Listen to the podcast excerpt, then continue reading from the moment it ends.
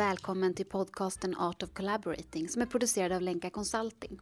I vårt arbete träffar vi hela tiden människor med spännande erfarenheter och vi stöter på kunskap och idéer som handlar om samverkan.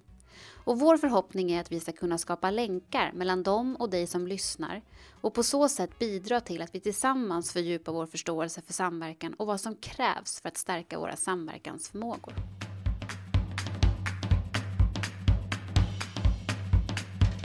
Dagens avsnitt är ett samtal mellan Länkas grundare Anna Singmark och Caroline Bottheim och Sam Keener och Nelly Noakes. Samtalet spelades in under hösten 2018 i San Francisco i USA, där Sam och Nelly är baserade. Tillsammans driver de Community at Work och de är internationellt erkända experter med stor erfarenhet av samverkan, eller det som de kallar för Multi-Stakeholder Collaboration. Samtalet handlar mycket om olika förmågor som krävs av oss för att lyckas i samverkan, hur vi kan designa och tänka långsiktigt när vi leder samverkansprocesser och vad som egentligen menas med Grown Zone.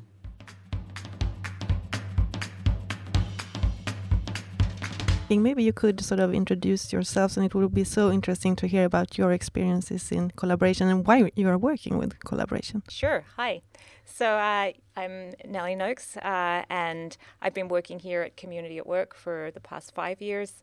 Uh, I'm actually originally Australian, and uh, I had known of Sam's work for many years in my work uh, doing in collaboratives uh, as a consultant in Australia, working with government organisations there. For the past five years, I've been working out of San Francisco, working on a range of initiatives in the US and other locations around the world. Okay, and I'm Sam Kaner, and we're sitting here at our office of Community at Work in San Francisco. And um, my colleagues and I founded Community at Work in 1987. And since that time, we've been writing and consulting and facilitating cross sector collaboration and also uh, cross functional within organizations. And our our intention generally is uh, to help groups and organizations struggle to solve very tough problems. On our wall, it, our mission says, help solving the world's toughest problems.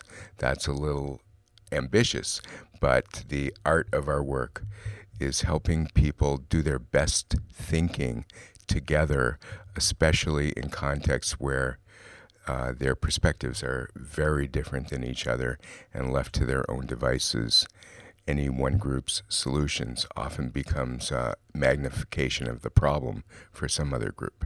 You have been talking about different levels of thinking, and that you need to be kind of a designer in collaboration.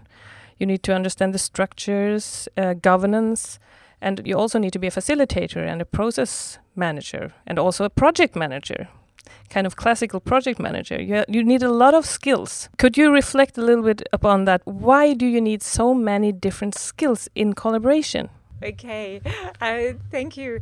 Um, so, what you've touched on there are a couple of things, and one is the the complex logic of these sorts of multi stakeholder initiatives that there are multiple parts, that they exist in multiple timeframes, and they have many different people involved. Uh, and within uh, that, there's a, a, a, design element that you spoke about. So there's needing to think of all of these pieces over very long timeframes, often with a diverse range of participants.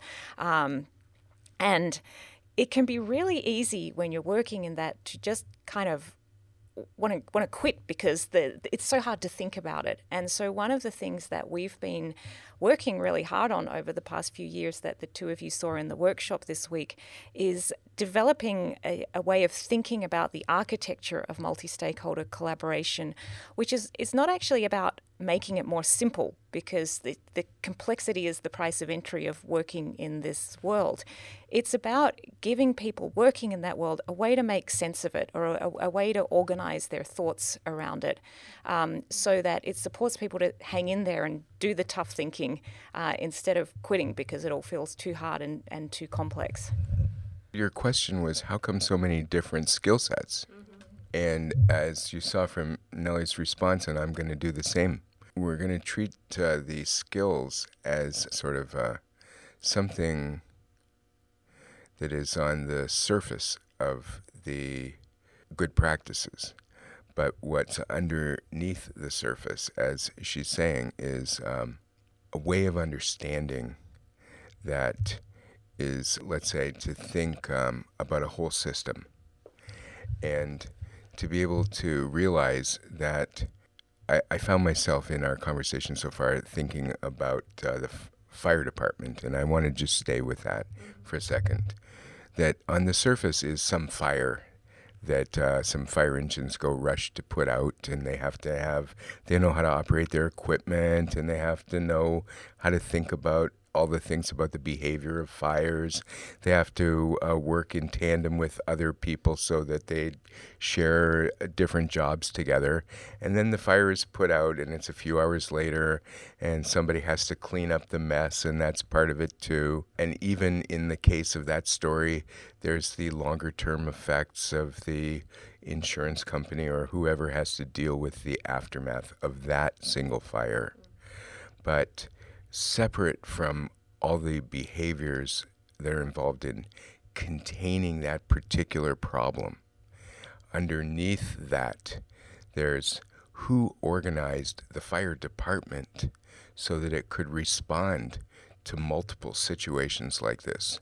And how did the players in that department get trained? And also, how did the population of the region become cooperative with the fire drivers of the trucks and everything so that everybody could get out of the way and and support. And also how did the different fire units learn to come to each other's support over time? And also how did the building codes get developed over time and the construction standards so that the frequency of fires would be less and less and all of those systems that get put in place require different skills, of course, totally different skills. The politicians who create the regulations, and the construction companies who build the new fire resistant materials, and the water management systems that make sure that there's adequate water to be able to draw upon in case of a fire. All of those things are totally different skill sets, and they develop over time and once they've developed, people have to maintain the skills through training and practice and uh, awareness. Well, the same thing that is true in the relationship between long term systems for fire and short term crisis management is the same thing is true of uh, any human system with ambitious endeavors, especially when the objectives are taking place across multiple decades such as population management in the face of all of the immigration challenges that are current and going to get worse in the future. We can confront it by dealing with the arrival of the next boatload of immigrants. That's the fire.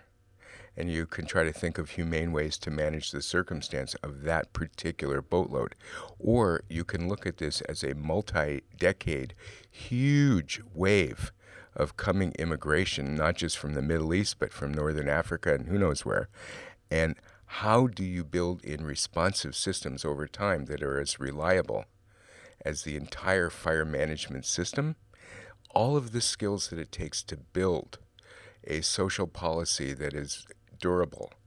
That is really the heart of what's involved in multi-stakeholder collaboration is being able not just to facilitate an argument or project management, an event, but to recognize you've got to think in the bigger picture and in the medium picture and in the crisis picture. So that's my basic answer to your question. Uh, that is so interesting, and you're talking very much about sort of systems change and a very, having a long-term perspective. And the people that we meet in Sweden, they are, I think, they also have the intention to have this long-term perspective, and they really want to initiate long-term change. But it's a difficult conversation, sort of, with the organizations around them, and how can we sort of create collaborative initiatives that are really long term? it's a difficult question, of course, but do you have any thoughts about how to create an understanding uh, about the importance of long term thinking? So, one of the pieces that I think uh, many groups and um, facilitators and thinkers have understood is the importance of um, establishing uh, aspirational vision so that it serves as an umbrella for the logic to have the conversations you're talking about. That at least, no matter what people's uh, different uh, perspectives are in the short term, everyone can agree. For example, that there needs to be some long term way of thinking to manage a refugee immigration problem that meets certain criteria, and it's up to each nation to determine the, its criteria. But uh, humane treatment and integration, but also some kind of uh, management at some kind of a boundary. And there's issues of feeding and housing and all of the other things that uh, you you want to be able to have the highest level aspirational agreement about what long term success looks like. Then, once you have that, how to help people come to grips with what's it going to take to even make progress there? At this point, you want to be able to tolerate lots of differences, lots of misunderstanding, especially lots of people thinking that everybody else agrees with them when in fact they don't.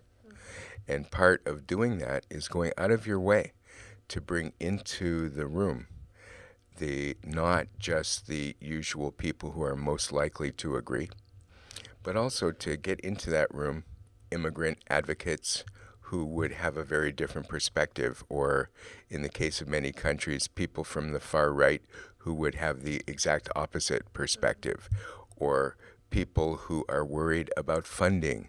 Uh, so you end up deliberately putting in such diverse perspectives that it's going to force people who would usually be comfortable agreeing to recognize they can't agree with everything because all of the different perspectives are being displayed in front of them. So they have to start to come to grips with, well, what do I really think? And that process of getting people to transcend the mindset of my highest priority is to agree with my colleagues, to transcend that to go like, all right, uh, as a human being with uh, uh, experience in life, as I hear this debate going on, what really matters to me? And being able to put that on the table and, and make room for different answers to that. Then from that, you realize that the solutions to that also go to a longer term perspective because in the short run, next month there's not enough money set aside. Next month there's not enough this, that, there's too much of this other. Right? So finding opportunities for people to, let's say, go in our language uh, to the level of long term strategy. But really, we're talking about a, an abstract level of thinking that is not so bound by the practical considerations of what's going to happen next month or the month after. Ultimately, they have to be able to translate into uh, next month and the month after, and this, you know, and be able to think, um, okay, what are we going to trade for what, and how can we agree that in the long run we've got to create policy XYZ, but in the short run we just have to manage a housing crisis. Yes, that has to be part of the conversation too, but you've got to build an underlying foundation of people being able to understand each other's differences and not just pretend that those differences don't exist by focusing on simple solutions in the short run. One sentence summary of my answer to your question is you build a longer term way of thinking by cultivating differences of perspective and by forcing people into a situation where they discover that the only way out of authentic deep differences to tr- the only way to, to, to transcend the differences is to go to a wider time frame. And to to add to what Sam said, I mean, first of all, just want to underline and support what he said, and focus in on a couple of small pieces so well, that are actually pretty big pieces. So one whether he talked about right at the start is about having a, a shared aspiration for those people in the room, of actually having a picture of where they're going. And it's it can be the piece that, first of all, of the scale of change you're talking about, that sort of system change, it grounds people early on in that this is not something that we're going to fix in a few meetings. This is something that is a long term social system change. And then all of the pieces he talked about in order to have an enduring, lasting solution at the systems level is about supporting people to keep wrestling with those interpersonal divides that are the price of entry of doing this work. And then the other piece that I would dive into a little more, just to, to add in for your listeners, is of also providing a really good platform to support those people to stay in there. And so that is about understanding the reality and, and to go back to understanding the complexity of the things you're dealing with and to design in a way that supports those diverse voices to be in the room, to design in the way that understands in advance that when you're working together over multiple years, that things are going to change. So to design in a continuous improvement process where people can step back and say, what's changed? Um, how do we need to change the way we're moving toward this goal? So Sam spoke a lot about, in particular, that the really human dimension and the crossing the interpersonal divide, which is at the heart of a successful collaboration. And then there's the, the other piece, which is providing a solid platform that actually allows that to happen.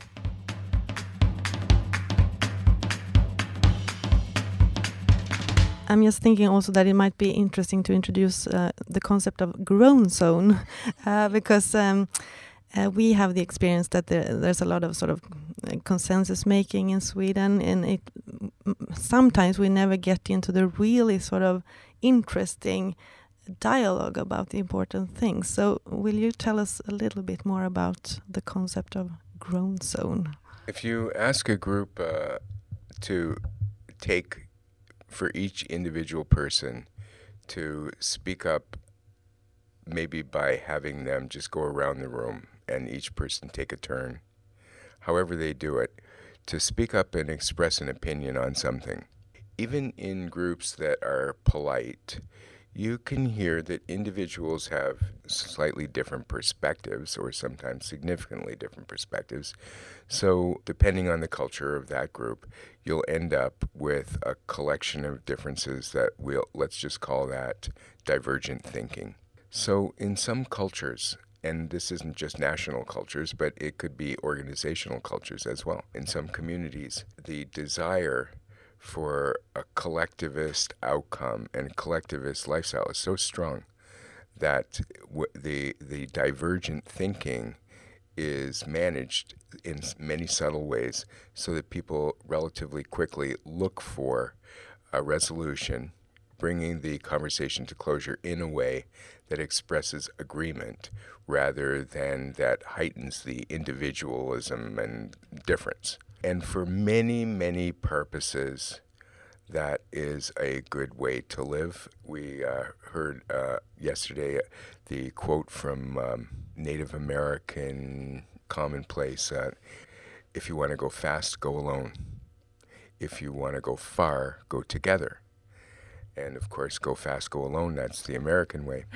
But uh, go go far go together is a sane way over the long term for many things. However the challenge is that sometimes the cost of managing the divergence by seeking for consensus relatively smoothly is that the agreement that is reached has uh, certain features that are not always in everybody's best service.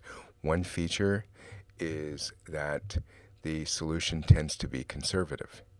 It tends to resemble what is already true because there were broad disruptions. You would see more diverse divergence as people pushed back and forth. So the conservative solution, and I don't mean politically conservative, I just mean resembling what's already true, the conservative solution, for the most part, is good. However, those cases when a conservative solution actually makes things worse, the early consensus becomes problematic. The second thing is that often those early consensuses are compromises. Everybody understands it's a compromise, but they're not very necessarily ambitious solutions. So people go back to their own office or they go back to their own lives and they're like, whatever. You know, we, we agree to that. But uh, sometimes you need a solution that people wrestle with enough that when they finish it, they go like, "I love this idea. I'm I'm going to stay late at night to work for this. I'm going to work on weekends for this. I really care. This is going to matter to our lives." That kind of consensus is very different than okay, whatever, and in its impact.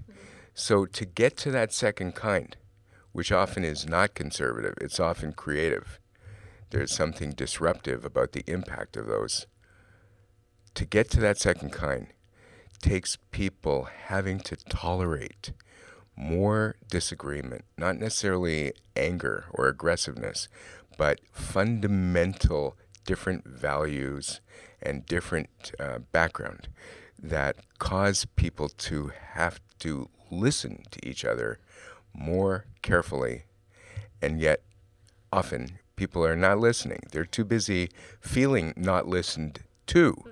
And so they're repeating themselves and they're getting more impatient and frustrated that they don't feel listened to.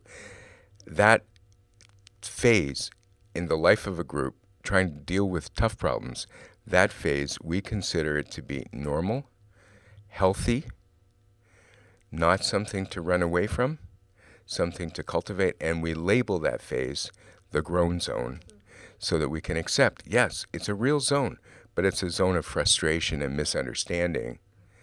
And the outcome, if you're facilitating it or even if you're leading or a member in it, the outcome for that phase is not to try to reach a decision and run away. It's not about compromising your way out of the groan zone.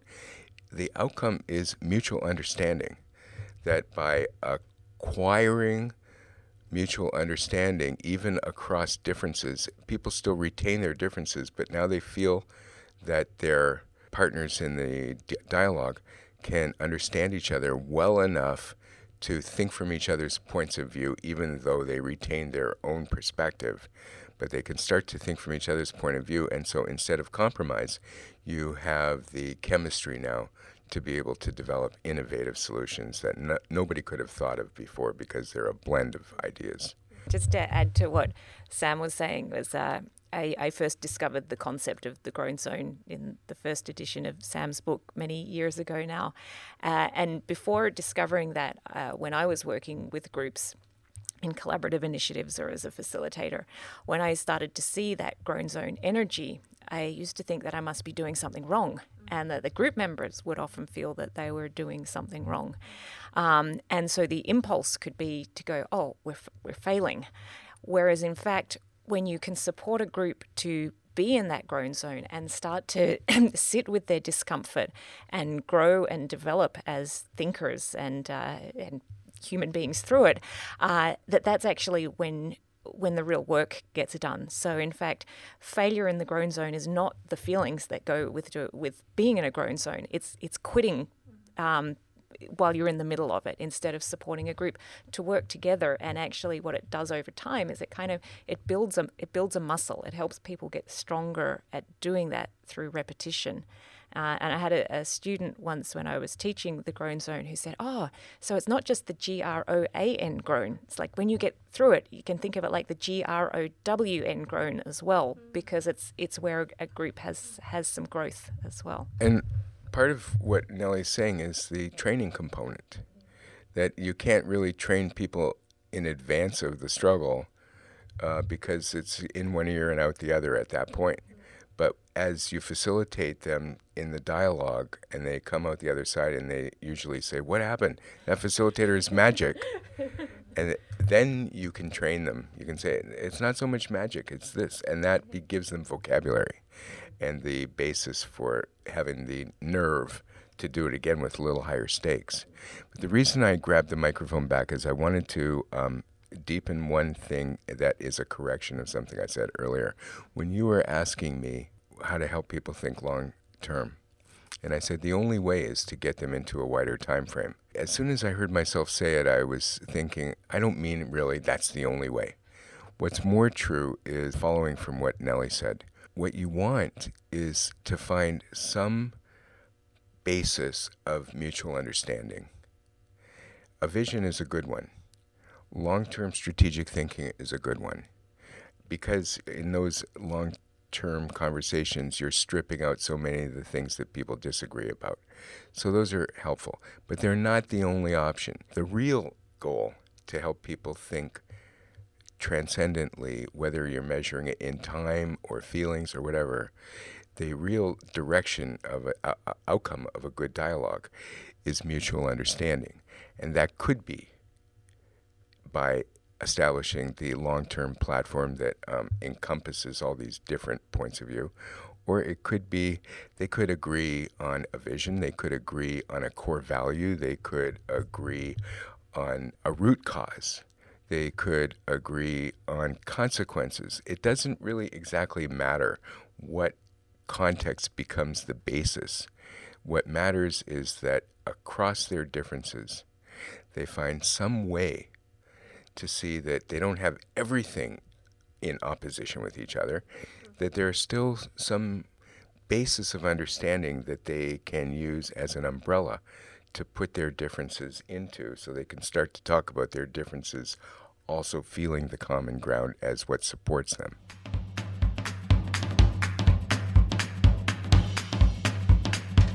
You've been talking quite a lot about um, collaboration literacy during this week, and we think that is a really interesting concept uh, and it, the importance of having collaboration literacy in a process, but also to spread that kind of competence or literacy around the world. Uh, do you want to say a few words about that? Yeah, this was a key point that you heard in uh, the workshop this week is that one of the great challenges around this work is that a great amount of the world doesn't think about collaborative literacy. It's not a language we're generally taught uh, in school. We're taught math and science and how to read and write. We're not taught about how to think and design uh, in, a, in a way that supports people to work together. Uh, and so, one of our aspirations uh, here at Community at Work is to spread collaborative literacy. And we do that through the workshops that we teach and uh, the work that we do with our clients, uh, and through a, a, study group that we, we run with people who've been through this in a, a, a vision of this one day being the way that when groups of people come together to solve difficult problems, that they have access to this body of knowledge and shared language and shared way of thinking about things that make this as natural as if they were a group of software engineers coming together to design a computer program, even though 100 years ago, no one had the language of computer programming. So that's our vision, and uh, Sam has been a driver uh, of this for uh, much longer than I've known him. So I'm, I'm going to ask him to add a few extra thoughts to this. I'm happy with what You're happy with what I've said? Okay. what I'm interested in, because you have been working with it uh, in different places in the world and, and for so long, do you see kind of a development? Is it a progression or how how is it developing actually this? Is it more of collaboration literacy now than 30 years ago? Yes in all regards but yes but. So if the measure is is there more vocabulary uh, that is not necessarily shared, but that there are more uh, small pockets of people like yourselves who are working to acquire vocabulary, invent, acquire vocabulary that you can use among your community and communicate each other. Are there more pockets of us doing that now? than let's let's date it to uh, 1970 as the 1976 was the publication of the first book that really was a breakthrough in the world of process literacy for collaborative behavior. The name of the book was How to Make Meetings Work by Michael Doyle and David Straus, and it was just filled with the title makes it sound much cheaper than the thinking that was inside of it. It was filled with process issues, and then they were able to uh, invent a training approach that their groups opened uh, 16 offices around the world.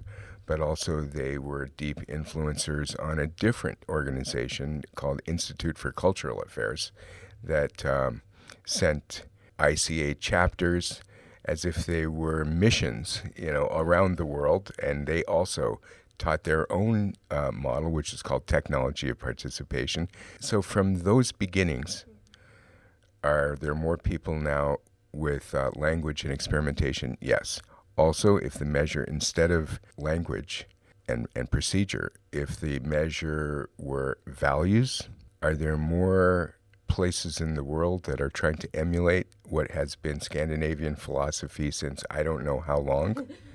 Uh, yes, it's growing in every community. Now, however, that said, the backswing, you know, everything is a pendulum.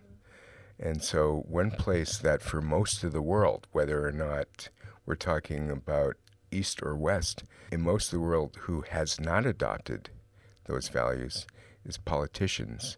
The people who are elected have principles of competition and manipulation as built into the job of getting into office.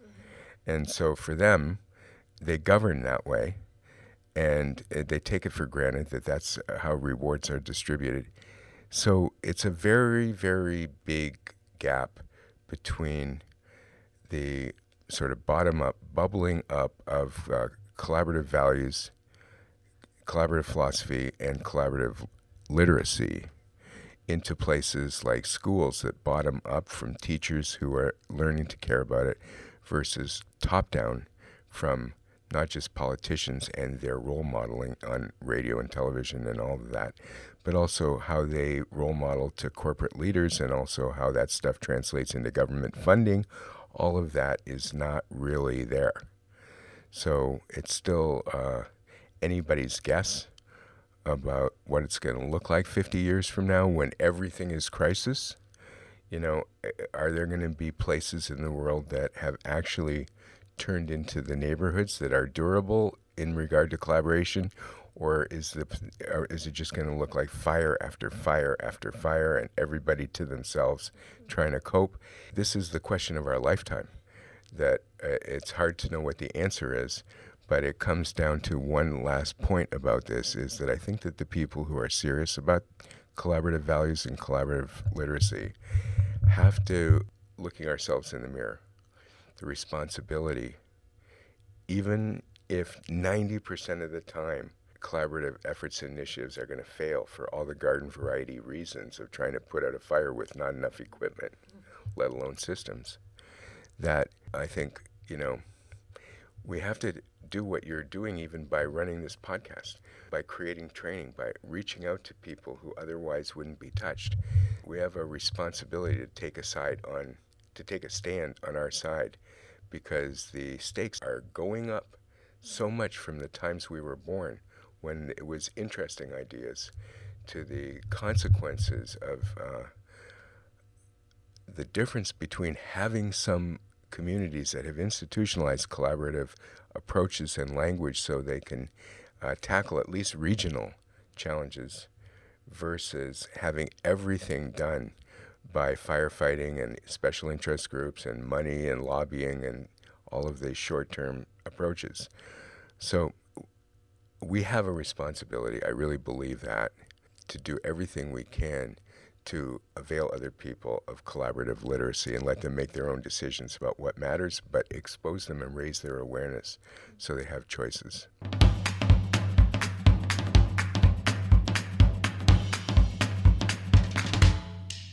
Tack för att du har lyssnat. Art of Collaborating är producerad av Lenka Consulting och redigering görs av Emma Larsson som är skribent och dokumentärfilmare. Vi hoppas att du känner dig inspirerad och motiverad att fortsätta utforska och stärka dina samverkansförmågor.